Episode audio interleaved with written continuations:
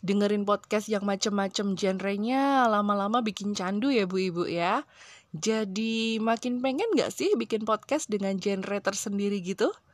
Nah, kalau bu ibu mau bikin podcast sendiri, sini bu aku bisikin caranya. Kayak aku gini bu, bikin podcastnya pakai aplikasi Anchor.fm. Gampang banget bu, tinggal download aja dari Play Store, terus diinstal, langsung deh bisa rekaman suara ibu dengan leluasa. Abis rekaman mau diedit dulu audionya? Bisa banget. Udah ada list background musiknya lagi. Tinggal pilih mana yang ibu suka. Kalau udah mantep sama hasilnya, tinggal dipublish deh tuh. Tenang bu, dari Anchor.fm bisa otomatis ke publish di Spotify dan platform lainnya. Asik kan bu? Yuk, download Anchor.fm sekarang. 100% gratis. Bisa bu ibu pakai untuk ngepodcast kapan aja.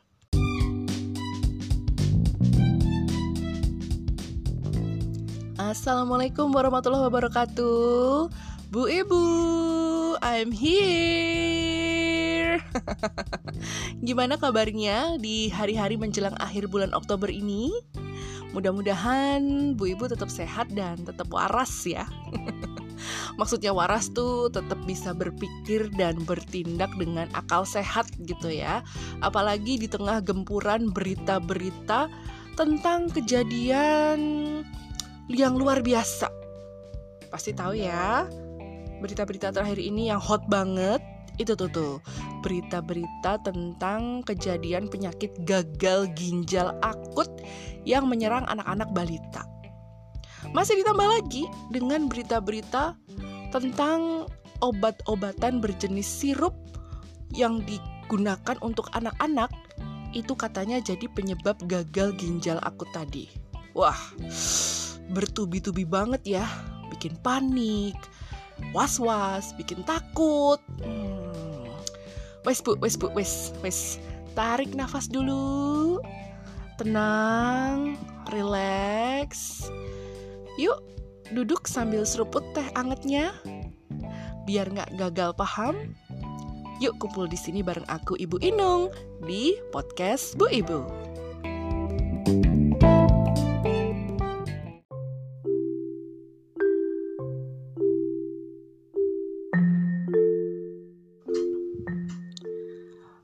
Ibu, beberapa minggu kemarin ini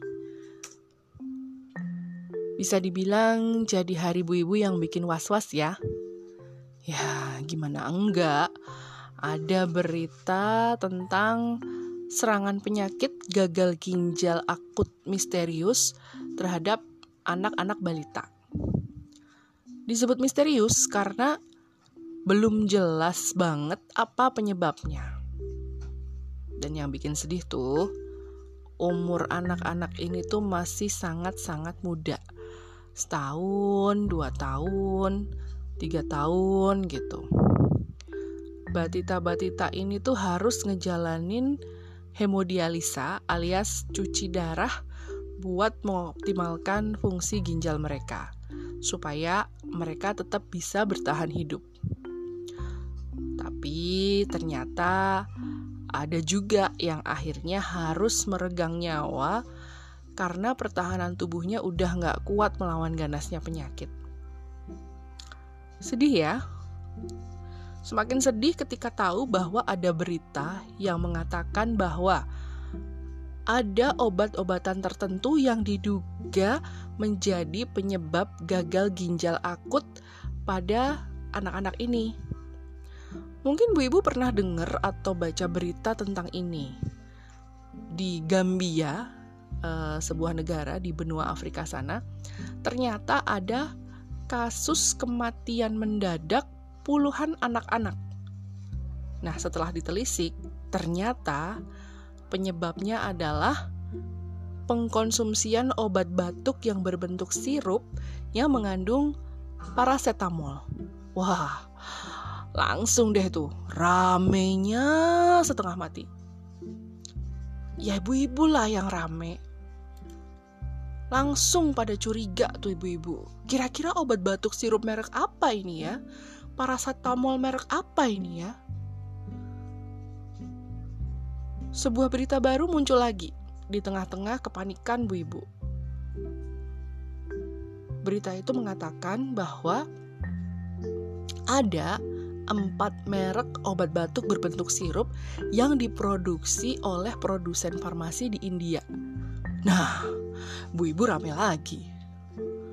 Langsung deh nyari tahu apa ya empat merek obat sirup itu dan mulai mengingat-ingat apakah dokter anaknya dulu pernah meresepkan obat itu buat anak-anaknya. Ada sedikit kelegaan ketika ada pengumuman bahwa keempat obat penyebab gagal ginjal akut yang buatan India itu tadi tidak pernah masuk dan diedarkan di Indonesia. Uh, thanks God.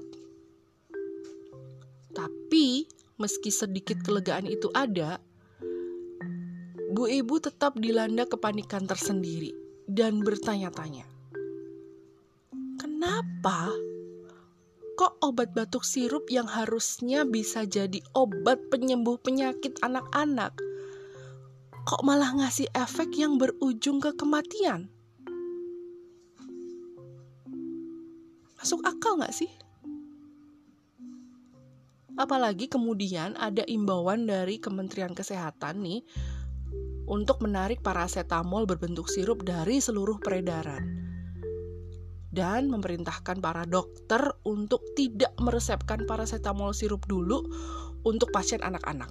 Wah, bu ibu makin rame lagi, makin panik. Banyak pertanyaan dari mulut bu ibu. Kenapa kok ditarik? Apa paracetamol yang bikin gagal ginjal akut?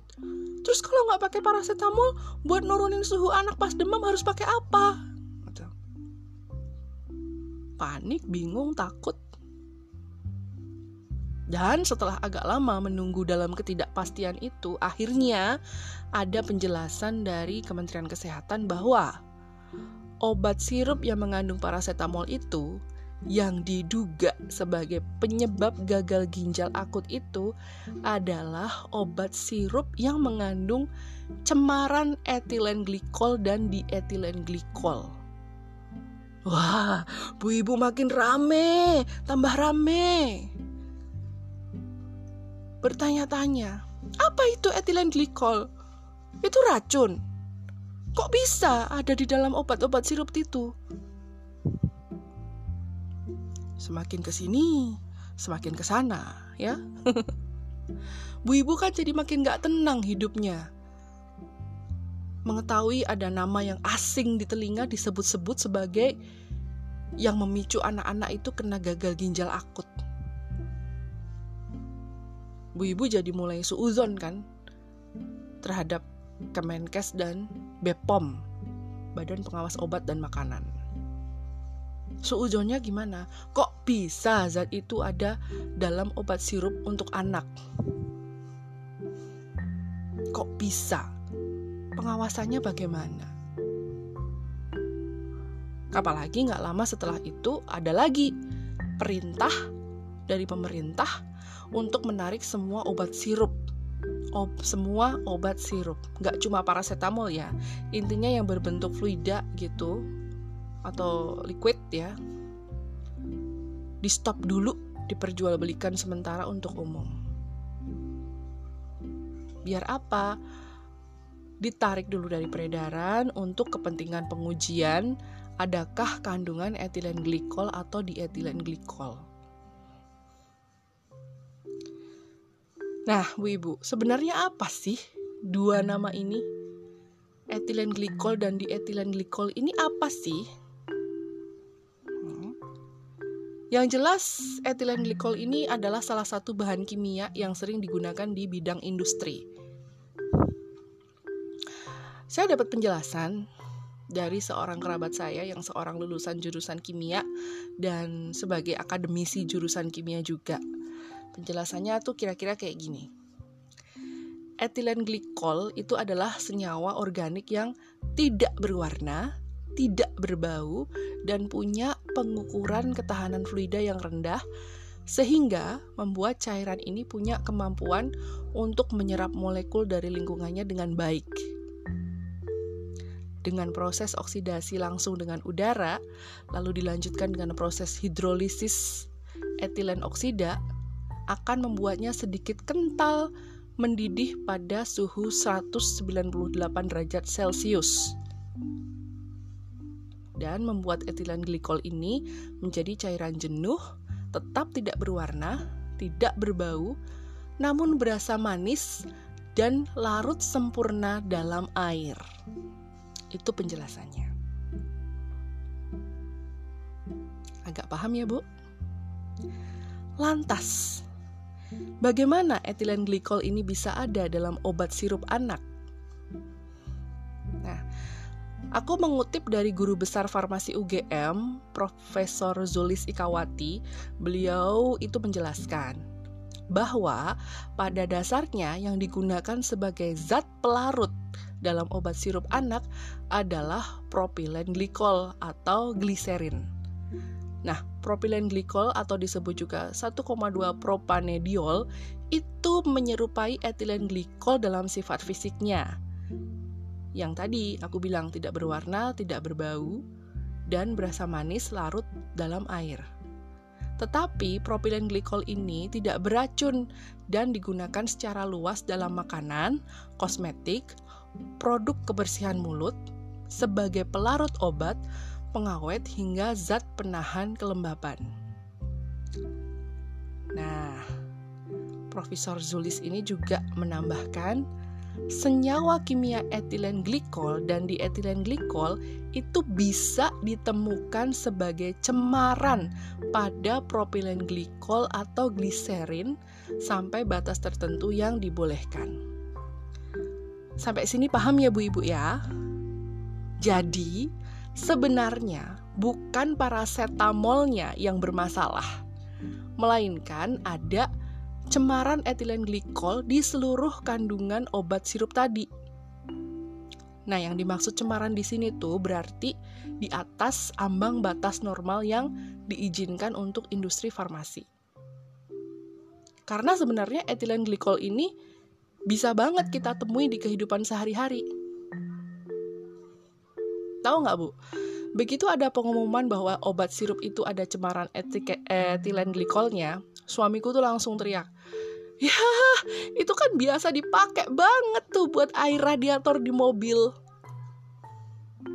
Suamiku ngomong kayak gitu. Aku tanya, biar apa? Kok dipakai di air radiator? Biar nggak beku lah kalau misalnya cuaca dingin. Wah, jadi sebenarnya etilen glikol ini deket banget dengan kita ya bu. Dan betul, memang itu sifatnya toksik ya, beracun gitu. Bahkan untuk beberapa case, kata suamiku, itu juga dipakai untuk larutan cairan uh, fogging pembasmian serangga. Nah, mungkin Bu Ibu bertanya, terus untuk paracetamolnya sendiri gimana? Masih aman nggak? Well, Bu, paracetamol itu kan bahan aktif anti nyeri ya. Dan itu sudah teruji loh di mana pun di belahan dunia mana pun kalau paracetamol itu adalah anti nyeri paling aman yang bisa digunakan untuk semua usia. Apalagi dalam keadaan demam. Jadi please Bu, sebenarnya Bu Ibu nggak usah terlalu freak out dulu ya. Dengar paracetamol sirup ditarik dari pasaran. Kemudian bertanya-tanya, terus anak aku nek demam piye? Ya, Bu, cari obat lain lah yang sifatnya sama dengan paracetamol, tapi bukan dalam bentuk sirup. Gitu ya, Bu, solusinya. Dan sebenarnya ada kok, Bu, remedis lain atau e, cara pengobatan lain untuk menurunkan suhu tinggi apabila anak itu sedang demam. Misalnya, kita pakai metode yang dari zaman dulu sampai sekarang masih masih masih bisa manjur. Yaitu dengan apa? Mengompres anak dengan air hangat bukan dengan air dingin. Nah itu bisa dilakukan kembali bu. Sebenarnya ya Bu, banyak banget tata laksana yang gampang dan bisa dilakuin saat anak itu mengalami awal demam ya. Yang jelas harus kita pastikan dulu nih suhunya berapa. Pakai termometer kalau masih di sekitar 36, 37 derajat Celcius gitu sebaiknya nggak buru-buru deh dikasih minum paracetamol sirup.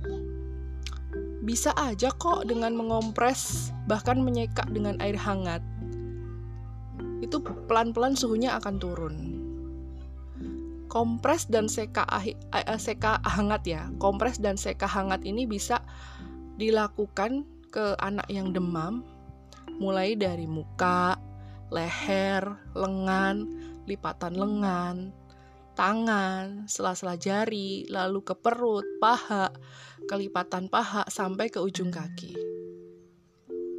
Apa fungsinya? Fungsinya untuk menstimulasi lapisan luar kulit untuk membuka pori-porinya. Sehingga pori-porinya melebar dan memudahkan udara panas dalam tubuh itu menguap keluar. Buktinya apa Bu Enung? Buktinya dengan si anak itu mulai berkeringat. Kalau keringatnya udah keluar, pelan-pelan suhu tubuhnya akan turun. Dan kalau udah berkeringat banyak, Bu, kita harus bisa melakukan tata laksana berikutnya. Apa? Yaitu ganti bajunya dengan yang lebih tipis. Terus jangan lupa rehidrasi alias isi kembali cairan tubuh yang keluar lewat keringat tadi. Caranya dengan memberi banyak minum. Kalau perlu, pakai minuman isotonik yang mengandung elektrolit supaya keseimbangan cairan tubuh itu terjaga, supaya nggak dehidrasi dan bisa ngembaliin stamina-nya lagi. Terus kapan dong Bu Inung sebenarnya harus kasih obat paracetamol sirup? Sebenarnya udah banyak disarankan nih Bu dari para dokter kalau paracetamol itu baik sirup atau non sirup itu diberikan ketika suhu tubuh itu sudah mencapai 38 derajat Celcius. Biasanya di suhu ini tuh tubuh udah ngerasa nggak nyaman ya.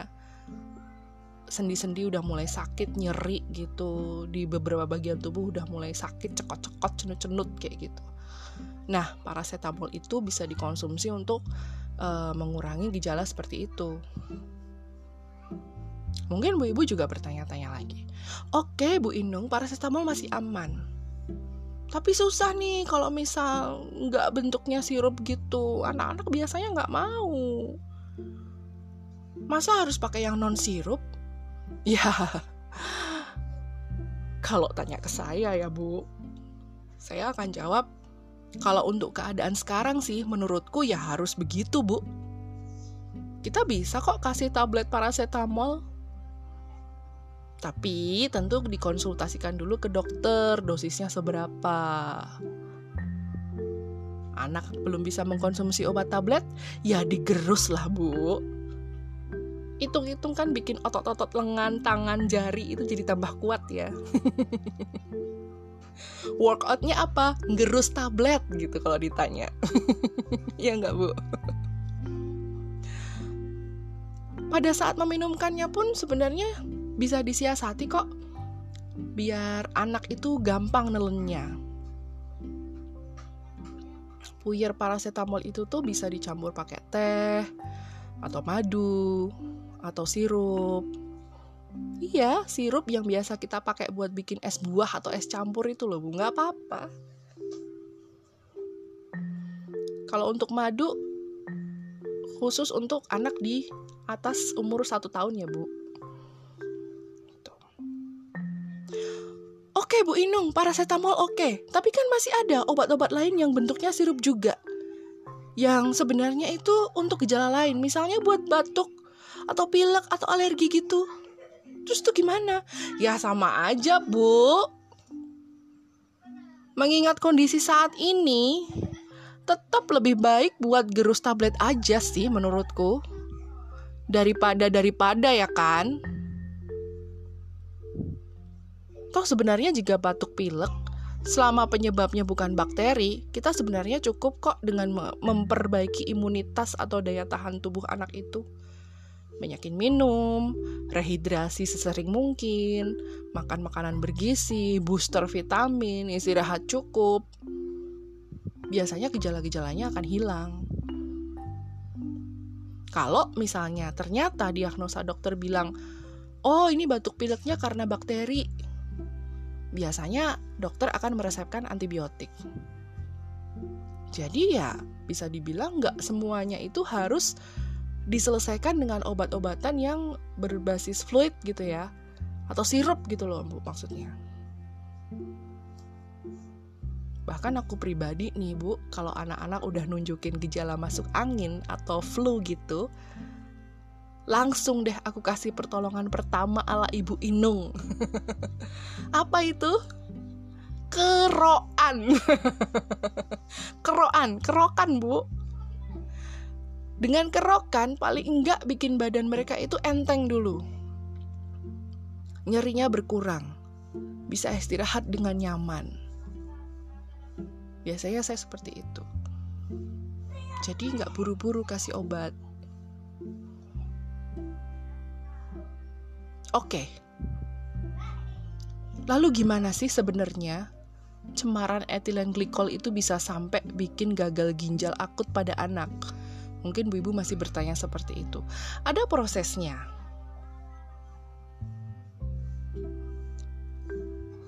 Ini penjelasan lagi dari kerabat saya tadi yang uh, akademisi jurusan kimia ya.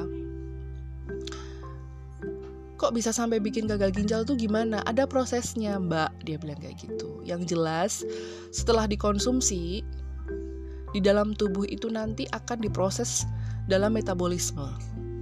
Namun sifat toksiknya itu nggak akan berkurang dan justru akan berubah menjadi asam glikolat.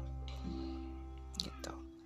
Nah, asam glikolat dan asam-asam lain dalam darah ini kadarnya bisa meningkat. Zat-zat beracun ini pertama-tama nanti akan mempengaruhi sistem saraf pusat dulu kemudian sistem kardiopulmoner atau jantung, dan akhirnya bisa menyebabkan gagal ginjal akut, yaitu kondisi ketika ginjal berhenti berfungsi secara tiba-tiba. So, that's why keracunan etilen glikol yang enggak diobati itu bisa mengakibatkan kematian. jadi bisa dibilang uh, uh, prosesnya tuh proses meracuninya itu sistemik ya dari saraf pusat ke jantung baru ke ginjal. Nah, gara-gara ini ibu ibu jadi harus mulai waspada. Mulai sekarang bu ibu, yuk kita lebih perhatiin bener yuk gejala-gejalanya pada anak-anak kita yuk. Gejala yang mengarah kepada gagal ginjal akut itu seperti ada mual, muntah, demam selama 3 sampai 5 hari, ada batuk, ada pilek, kemudian anak itu jadi sering mengantuk,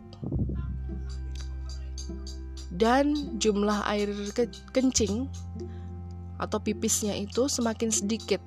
Kalau bahasa kesehatannya itu oliguria atau malah bahkan nggak bisa pipis sama sekali. Atau bahasanya arinuria. Ya jadi diingat-ingat ya bu gejala-gejalanya ada gejala lain yang perlu diwaspadai yaitu perubahan warna pada urin pada air kencingnya itu kalau misalnya warnanya sudah mulai pekat atau kecoklatan seperti teh, seperti air teh, itu berarti dia kekurangan cairan tubuh. Harus mulai banyak rehidrasi. Nah, kalau misalnya warna urin udah mulai berubah dan volume urinnya berkurang, volume pipisnya itu berkurang, bahkan pada saat siang hari selama kurang lebih 6 sampai 8 jam itu tidak pipis sama sekali, sebaiknya Bu Ibu segera bawa anak-anak Ibu itu ke vaskes terdekat biar bisa segera ditangani. Mungkin buat Bu Ibu merhatiin berapa kali anak pipis atau berapa banyak pipisnya itu nggak mudah ya. Buat anak-anak yang usianya udah bisa diajak berkomunikasi, udah bisa berbicara dengan lancar, tentu akan lebih mudah daripada kalau misalnya anak kita itu masih bayi atau anak yang masih belum bisa bicara dengan jelas gitu loh. Baru mengeluarkan uh, suara-suara aja kayak gitu. Misalnya hanya satu kata papa, mama, bubu, baba, baby kayak gitu. Tapi tenang bu, sebaiknya nggak panik, jangan bingung, jangan takut, jangan khawatir, please. Mengingat korban penyakit ini kebanyakan anak-anak batita, nah mungkin aku sekalian kasih saran di sini boleh ya bu ya. Untuk saat ini, sekarang ini nih, untuk bu ibu yang masih memakaikan disposable diaper atau popok sekali pakai atau biasa kita sebut sebagai pampers ke bayi dan anak ibu sekarang ini sebaiknya mulai dipikirkan untuk memakai memakaikan popok kain seperti zaman dulu itu bu atau pakai cloth diaper alias klodi karena apa? Karena dengan memakai ini itu akan lebih mudah buat mengontrol berapa kali anak itu pipis, berapa banyak volume pipisnya. Emang sih akan lebih repot gitu loh dalam keseharian bu ibu. Emang saya ngelak saya ngakuin juga akan lebih repot dalam keseharian bu ibu dibanding pakai pamper. Tapi ini adalah salah satu cara yang menurutku penting banget loh untuk preventif untuk pencegahan ya nggak buat bu ibu yang punya anak-anak yang sedang toilet training nih I think ini adalah momen yang pas banget untuk selalu merhatiin frekuensi buang air kecilnya itu bagaimana. Dan jangan sampai lupa untuk selalu ngajakin anak rehidrasi juga, biar seimbang cairan tubuhnya. Paling enggak, kalau udah familiar dengan cara ini, pakai pakai popok kain dulu maksudnya nggak pakai pampers dulu untuk beberapa waktu bisa membuat kita itu lebih aware dengan segala perubahan yang terjadi dengan anak-anak kita. Jadi nantinya kita udah lebih siap gitu harus apa harus gimana kalau seandainya muncul gejala yang nggak seperti biasanya. Bu Ibu sabar ya Mulai sekarang, yuk lebih perhatian lagi ke anak supaya nggak ada yang kelewat dari tumbuh kembangnya. Bu ibu juga nggak perlu sedih dan bingung anak itu harus dikasih obat apa pada saat sakit. Silahkan konsultasi ke dokter bu. Minta obat yang benar-benar aman buat mereka. Jangan apa-apa minta sirup, biar gampang kasih minumnya. Obat turun panas sirup ya dok? Obat batuk sirup ya dok? Obat pilek sirup ya dok? Gimana kalau sekarang kasih sirup beneran aja bu? Mau ABC, Marjan, atau Tropicana Slim? kasih cincau, kata de koko, jadi es buah. Yang jelas jangan salah kasih sirup ya bu ya. Thank you Bu Ibu for having me here. Mudah-mudahan bisa lebih tenang dan dapat insight harus bertindak yang kayak gimana untuk kesehatan anak-anak ibu. Jangan lupa ya Bu kasih bintang podcast ini, follow atau subscribe dan notifnya juga dinyalain ya Bu biar nggak ketinggalan episode terbaru. Oke? Okay? Mau DM-DM-an sama aku silahkan banget. Bisa langsung ke akun IG at podcast Bu Ibu. Aku Ibu Inung dari podcast Bu Ibu. See you around